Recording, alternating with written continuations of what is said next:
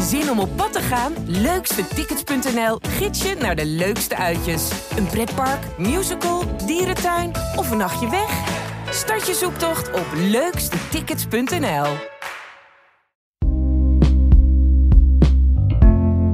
Hallo, mijn naam is Pieter Klok. Ik ben hoofdredacteur van de Volkskrant en dit is een nieuwe aflevering van de Volkskrant Elke Dag. De dagelijkse podcast waarin we de achtergronden bij het nieuws bespreken en vooral proberen te schetsen hoe de wereld op tal van terreinen onder onze ogen aan het veranderen is. En vandaag gaan we het hebben over staken in Nederland, maar zeker ook in Frankrijk. Uh, dat, dat gaan we doen met uh, aan de telefoon onze correspondent in Frankrijk, Eline Huisman. Welkom Eline. Dankjewel. En hier aan tafel Marieke de Ruiter, onze uh, redacteur Sociale Economie. Jij houdt de arbeidsmarkt in de gaten, vooral ook de onderkant van de arbeidsmarkt. Marieke, om met jou te beginnen. Uh, Nederland ervaart eigenlijk de grootste koopkrachtdaling in jaren, zou je kunnen zeggen. De lonen gaan nog wel ietsje omhoog, maar de inflatie is veel en veel hoger, waardoor we gewoon minder te besteden hebben. En toch blijft het vrij rustig. Er wordt niet massaal gestaakt.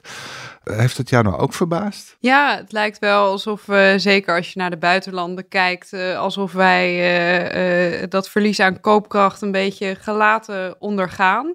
Er zijn wel uh, verschillende stakingen geweest de uh, afgelopen week in het streekvervoer, uh, etelsmedewerkers, de drankgroothandelaren.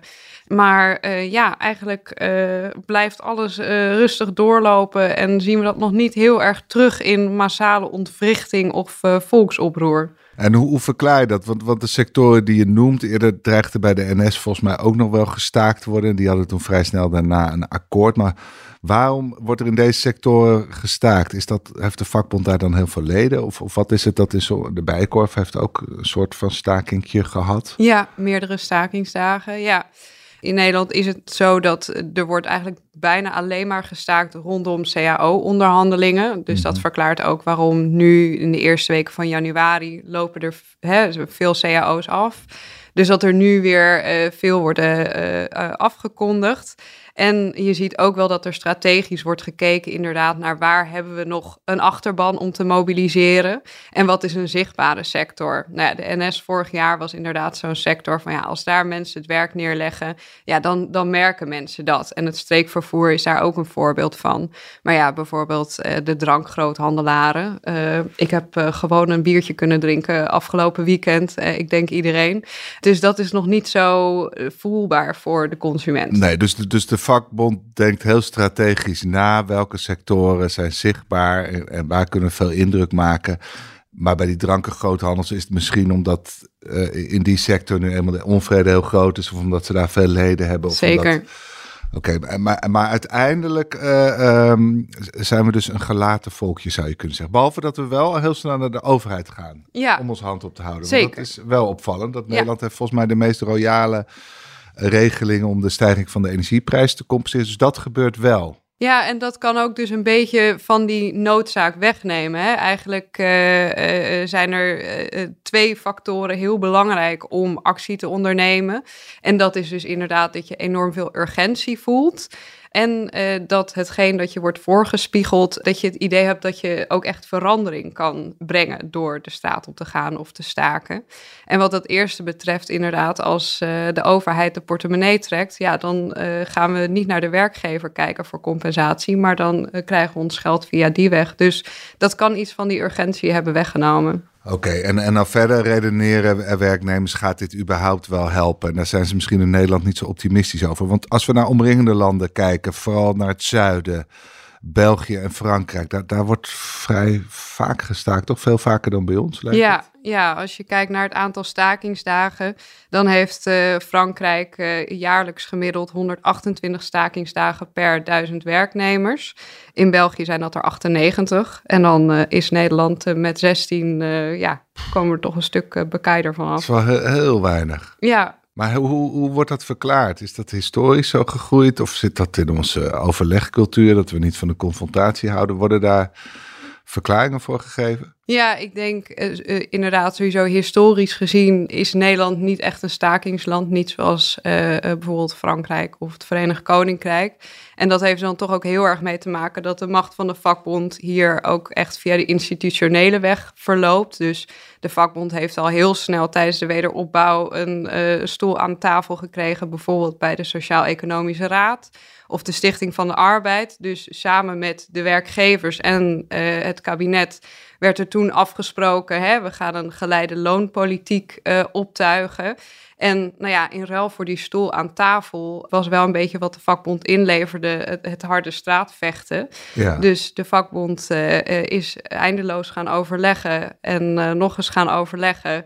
En is daarin soms zelfs uh, ja, minder activistisch dan de eigen achterban. Zeker in de havens is uh, begin jaren zeventig zijn er heel veel wilde stakingen geweest. En die richten zich ook echt daadwerkelijk tegen de vakbond zelf. Omdat ze vonden dat hij een beetje op, op schoot was gaan zitten bij de werkgevers. Ja. Heeft dat geholpen in de haven, dat ze daar betere lonen krijgen? Je, je hebt eerder een verhaal geschreven over... Er is één plek in Nederland waar de lonen automatisch meestijgen met de inflatie. Dus in dit, die gaan nu 10% omhoog of, of meer. Dat was ook in de haven. Ja, inmiddels zijn er wel meer cao's waar dat is uh, afgesproken. Volgens mij is het afgelopen jaar was dat de inzet, de centrale looneis van de FNV. Dat is uiteindelijk bij 17 cao's uh, zit die er geloof ik uh, in. Maar inderdaad, de havens zijn uiteindelijk een sector. Ook waar nog steeds veel mensen lid zijn van de vakbond. Want de vakbond is zich daar wel bij gaan aansluiten. En waar nog steeds ja, ontzettend goede arbeidsvoorwaarden gelden. Dus het helpt wel gewoon keihard staken. Nou ja, er is onderzoek naar gedaan uh, dat het meestal effect heeft. Dus dat er betere cao's worden afgesloten nadat er is gestaakt, is niet altijd zo.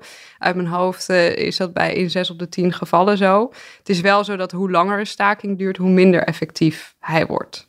Oké, okay, want dan gaan de werkgevers ook de hakken in het zand. Uh, ja, dan zetten. verzuurt het alle. Maar van oudsher is het idee dat vakbonden vooral via de onderhandeling, die hebben al invloed, want die zitten al aan de onderhandelingstafel, dus er hoeft ook niet zoveel gestaakt te worden. Nee.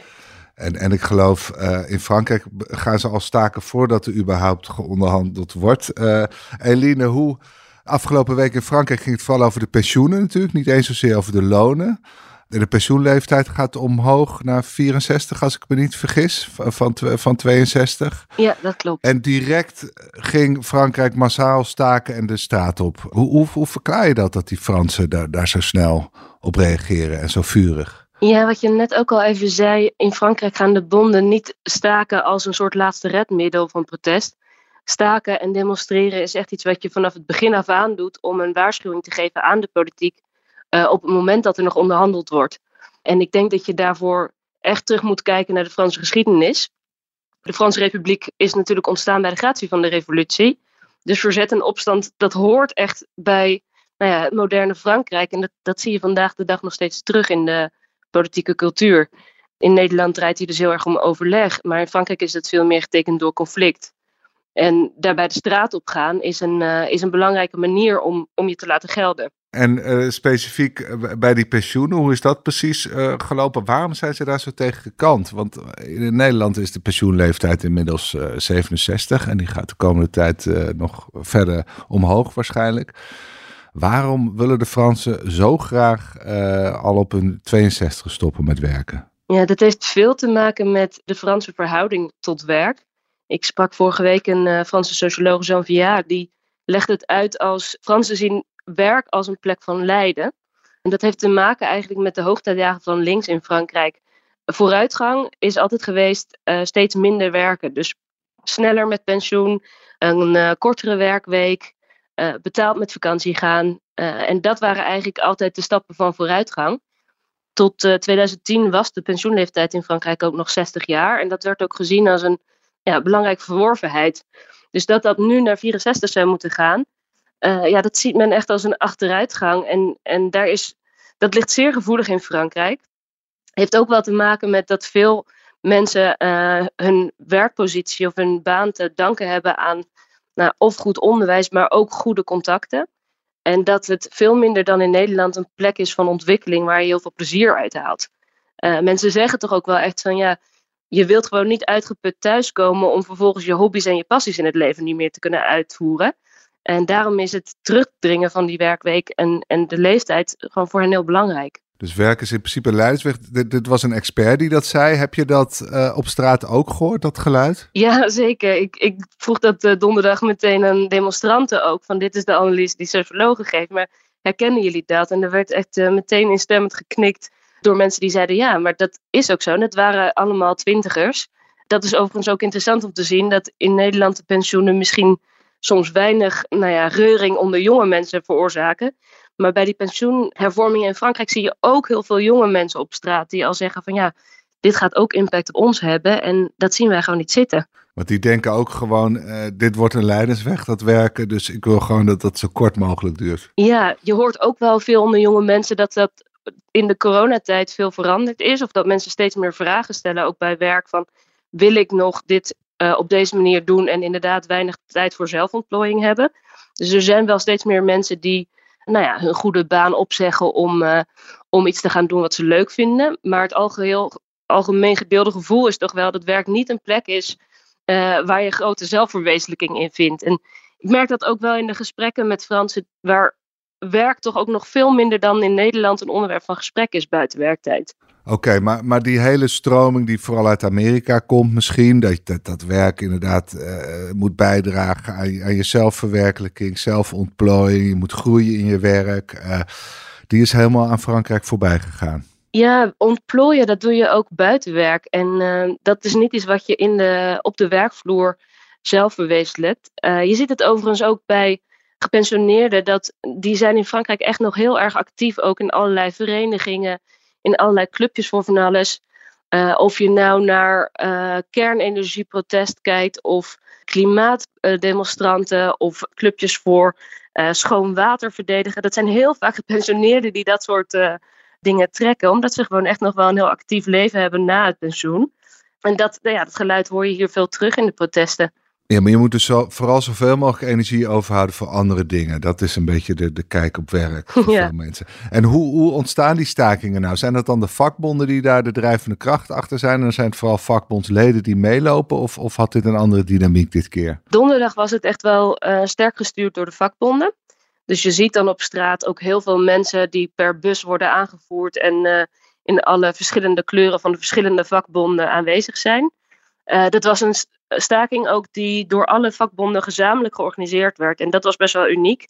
De vorige keer dat ze dat voor elkaar kregen in Frankrijk was in 2010 bij de vorige pensioenverhoging uh, van de pensioenleeftijd.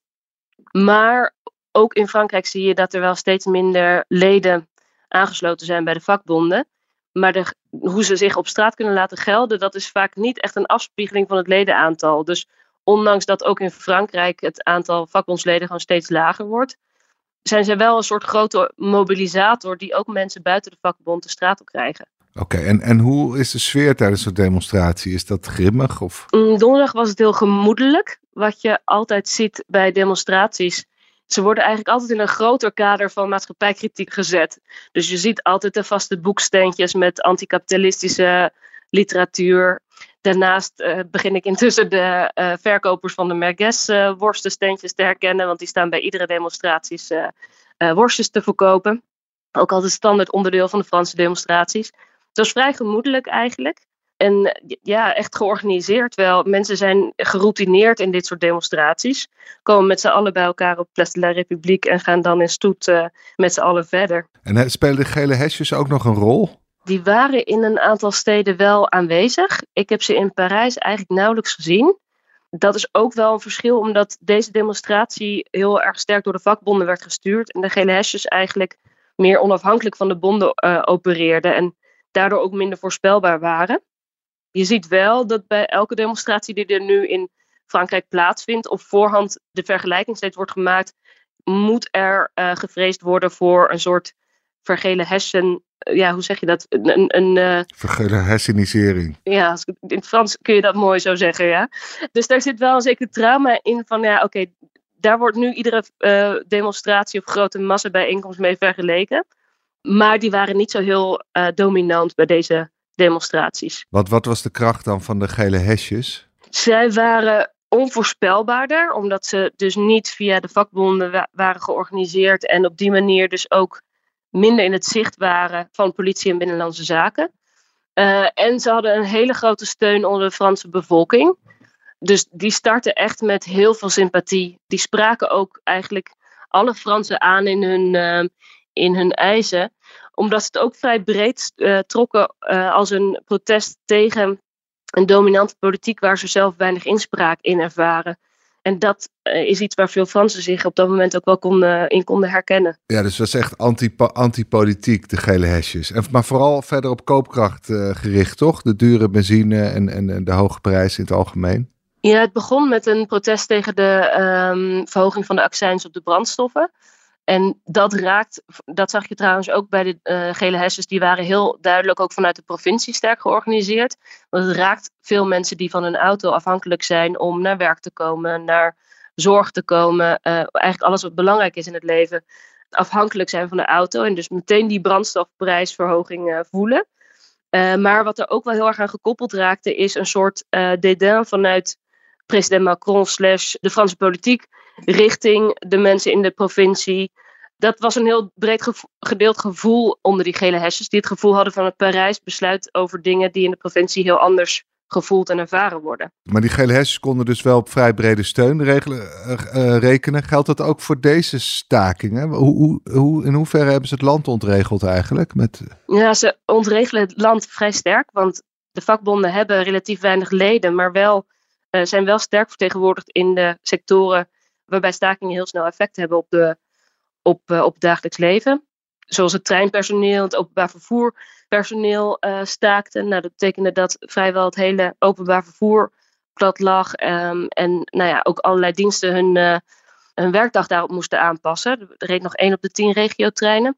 Dus je zag dat Disneyland de avondshows ging vervroegen, omdat mensen het anders niet meer konden redden om op tijd thuis te komen met openbaar vervoer na afloop. De kantoren van de gemeente sloten eerder enzovoort. Een derde van de scholen in Parijs moesten de deuren dicht doen, omdat ook vanuit het onderwijs veel werd gestaakt. En ondertussen werd ook bij de raffinaderijen opnieuw gestaakt. En dat roept meteen herinneringen op aan het najaar. Toen werd ook een tijd gestaakt bij de raffinaderijen. En waren er in heel Frankrijk enorme rijen bij de benzinestations, omdat die niet meer genoeg bevoorraad werden. Dus zo zie je dat eigenlijk een relatief klein aantal nou ja, goed, de opkomst bij de demonstraties was groot hoor. Maar dat een relatief beperkt deel van de bonden toch veel invloed kan hebben op um, nou ja, het ontwrichten van het dagelijks leven. Is er ook een deel van Frankrijk wat er schoon genoeg van krijgt, dat eeuwige staak? Ja, uh, dat is er zeker. Je ziet wat ook wel interessant is om te zien, is dat extreem rechts bijvoorbeeld wel tegen de pensioenhervorming is. Maar zegt wij willen absoluut niet gaan demonstreren, want dat is onverantwoordelijk en daarmee zorgen we eigenlijk voor meer chaos dan oplossingen. Dus die staan, hoewel ze tegen de verhoging van de pensioenleeftijd zijn, staan ze niet uh, mee op straat te demonstreren. Maar op dit moment zie je dat uh, ongeveer twee derde van de Fransen nog voor de stakingen zijn. En, uh, en hoewel ze niet allemaal deelnemen, wel eens zijn met de, de Fransen die tegen de straat op gaan. Nou, dat is toch een heel inspirerend voorbeeld voor Nederland, Marieke, al met al. Ik zie jou echt heel verlangend kijken van, ging het hier ook maar eens uh, zo aan toe? Dan werd het dus wat spannender in mijn portefeuille. Ja, ja heb ik ook eens wat om over te schrijven. ja, nou ja, het is natuurlijk de vraag, hè. De aanpak die de vakbond hier kiest, is duidelijk een hele andere. Um, maar er zijn ook uh, mooie dingen uit voortgekomen, denk ik. Er zijn veel sociale akkoorden uh, gesloten, bijvoorbeeld. Maar ja, het maakt de vakbond wel uh, dat hij minder gezag heeft op ja. straat. En nou ja, dat zie je terug in de teruglopende ledenaantallen. En heel veel mensen hebben, denk ik, niet meer een gevoel van wat de vakbond voor hen kan betekenen. Nee, en, en is het dan misschien ook zo dat Nederlanders eerder denken van... nou ja, dan ga ik wel een andere baan zoeken... als ze het gevoel hebben dat ze te weinig verdienen? Nou, ik denk zeker nu op de krappe arbeidsmarkt dat inderdaad uh, dat er wel actie plaatsvindt, maar dan met de voeten. Als je kijkt naar uh, cijfers die het UWV uh, vanochtend heeft gepubliceerd. Mm -hmm. In het derde kwartaal van 2022 had 5,3% van de werknemers een nieuwe baan. Dat is een kwart meer dan voor de pandemie. Dus je ziet dat daar echt onwijs veel arbeidsmobiliteit is. Ja, en dat is gewoon omdat je bij een nieuwe werkgever wel weer kan onderhandelen over je salaris. Ja. En wij kunnen ook niet zo goed overzien hoeveel mensen in de tussentijd er toch in zijn geslaagd om uh, naar een andere schaal te gaan of om een loon verhoogd te krijgen, los van de CAO. Nee, maar het is wel duidelijk dat dat altijd stukken lastiger is om in je huidige baan een loonsverhoging te realiseren op eigen houtje. Dat moet je toch collectief afdwingen of inderdaad uh, wisselen van baan of van functie. Ja, want het grote plaatje is uh, natuurlijk altijd dat de arbeidsinkomensquote al jarenlang mm daalt. Dus het deel ja. van, uh, van, de, van de totale inkomsten die naar arbeid gaat, gaat omlaag. Hè, ten gunste van aandeelhouders die, die wel steeds meer incasseren. Dus je zou kunnen zeggen van ja, dat is overduidelijk. Dus, dus de factor arbeid uh, moet zich organiseren, want die moet zijn macht vergroten. Zeker. Maar toch is bijna niemand die die urgentie heel erg sterk voelt. Nee, ja, ik sprak een collega hierover en hij zei ja, waarom zou ik bij de vakbond gaan? Want de vakbond die, uh, die komt alleen maar op voor de belangen van gepensioneerden. Ja. ja, dat komt omdat een steeds groter deel van de achterban van de vakbond ook daadwerkelijk gepensioneerd is. Dus het probleem is dat op het moment dat er daar ook niet meer mensen zich bij aansluiten, ja, dan, dan uh, is het ook heel moeilijk. Dus het versterkt zich eigenlijk. Ja. Van de vakbonden vergrijzen en gaan dan ook steeds meer voor hun uh, vergrijzende achterban uh, opkomen, waardoor jongeren zich er steeds minder in herkennen. Ja, dat is wel de Wat indruk. proberen ze die- daaraan te doen, vakbond? Nou ja, ze proberen zich nu wel heel duidelijk te roeren. Eh, ze hebben afgelopen november hebben ze een eh, demonstratie georganiseerd in Amsterdam.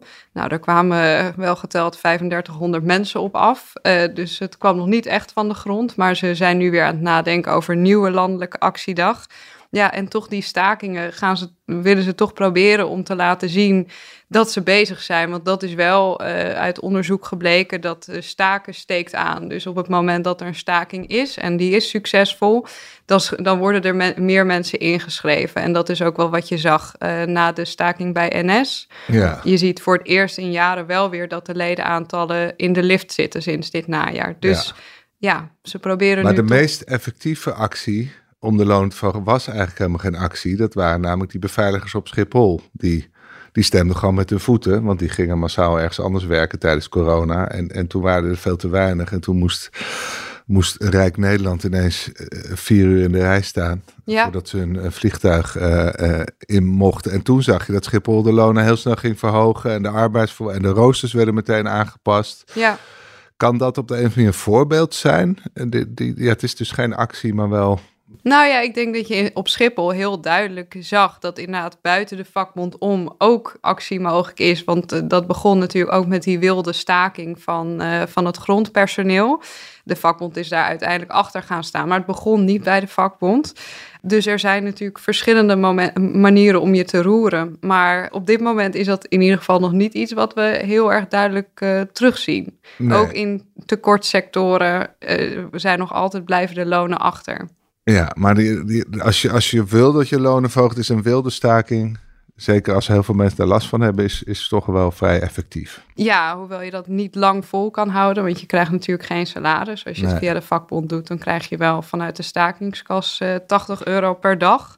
Dus hè, een wilde staking heeft een minder lange adem. Maar ja, de boel ontregelen, dat zal elke werkgever ongetwijfeld uh, wakker schudden. Ja, want hoe zit het eigenlijk met die stakingskas? Is dat altijd 80 euro per dag wat je dan krijgt? In principe is daar wel een maximum aan. In feite komt dat ook bijna nooit in zicht, omdat het dus duidelijk is dat hoe langer zo'n uh, staking duurt, hoe minder effectief dat is. Dus volgens mij is het nog niet eerder voorgekomen dat uh, op een gegeven moment uh, werd gezegd van vanaf nu vergoeden we het niet.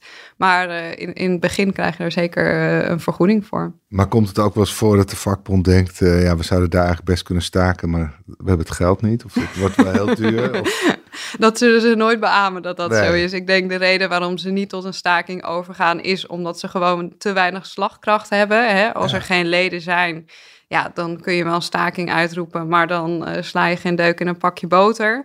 Of omdat ze denken dat er niks te halen valt. Maar wat is jouw verwachting? De, de, de FNV heeft sinds een jaar of al langer een nieuwe voorzitter, Tuur Elzinga. Uh, heb je het gevoel dat hij op een gegeven moment zijn geduld verliest en denkt, en nu gaan we de snoeihard in? Of is het eerder... Nou, de hardste actie die ik van Tuur Elzinga heb gezien is dat hij niet met Ingrid Thijssen wilde poseren voor een kerstinterview in de Telegraaf. Oké. Okay. Um, nou, dat is wel een statement. Ja, dat... maar uh, ja, nee, hij heeft, uh, hij heeft uh, opgeroepen eerst tot een hete zomer en een hete herfst. nou ja, meteorologisch gezien heeft hij daar misschien nog wel gelijk in gekregen, ja. maar op de arbeidsmarkt niet echt. Ja, het gaat erom spannen. Uh, als ze nu veel succes boeken met stakingen, dan zal dat ongetwijfeld uh, ja, zich vertalen in meer actiebereidheid. Je ziet ook echt dat ze, waar CNV bijvoorbeeld bij PostNL, maar ook bij de drankgroothandels, wel akkoord is gegaan met een loonbod. Dat FNV zegt: nee, we gaan niet voor de 8%, maar we gaan echt voor die 14%. Dus ze zijn strijdbaar. Ja. Maar dan gaat het CNV wel akkoord. En wat betekent dat dan? Bij PostNL is FNV gewoon gepasseerd. En dat kan? Dat kan, ja zeker. Oké. Maar 14 is ook best wel veel, 14 procent, als je realiseert dat de overheid ook nog een duit in het zakje doet bij dat koopkrachtverlies. Zeker. Ik denk de overheid heeft wel altijd benadrukt, uh, hè, we komen met dit uh, koopkrachtpakket, maar alsjeblieft werkgevers verhoog de lonen ook. Ja. En als je dan toch ziet, nou ja, je noemde net al die arbeidsinkomensquote, uh, het deel dat naar de arbeid gaat, wordt steeds kleiner. Afgelopen jaar het is niet eerder voorgekomen dat werkenden zoveel aan koopkracht hebben uh, ingeleverd. Dus wat dat betreft, ja, de FNV die ruikt toch wel de kans schoon om nu uh, de koek op een andere manier te gaan verdelen. Ja, dus ze grijpen de gelegenheid aan. Goed, we gaan het allemaal afwachten of we toch een heet voorjaar of, of dan desnoods een hete zomer krijgen. Uh, Eline, mag ik jou heel erg bedanken voor je uh, mooie verhaal uit Frankrijk. Uh, Marieke, dank je wel voor je heldere uitleg. en misschien tot de volgende keer, afhankelijk van hoe heet de lente wordt. en u, luisteraar, dank voor het luisteren naar deze aflevering van de Volkskrant Elke Dag. Morgen zijn we er weer, of dan is Shaila Sietalsing er weer, moet ik zeggen. Zij zal uitgebreid spreken met Arnoud Brouwers over de oorlog in Oekraïne en de wapensteun die het Westen al dan niet levert. Graag tot dan.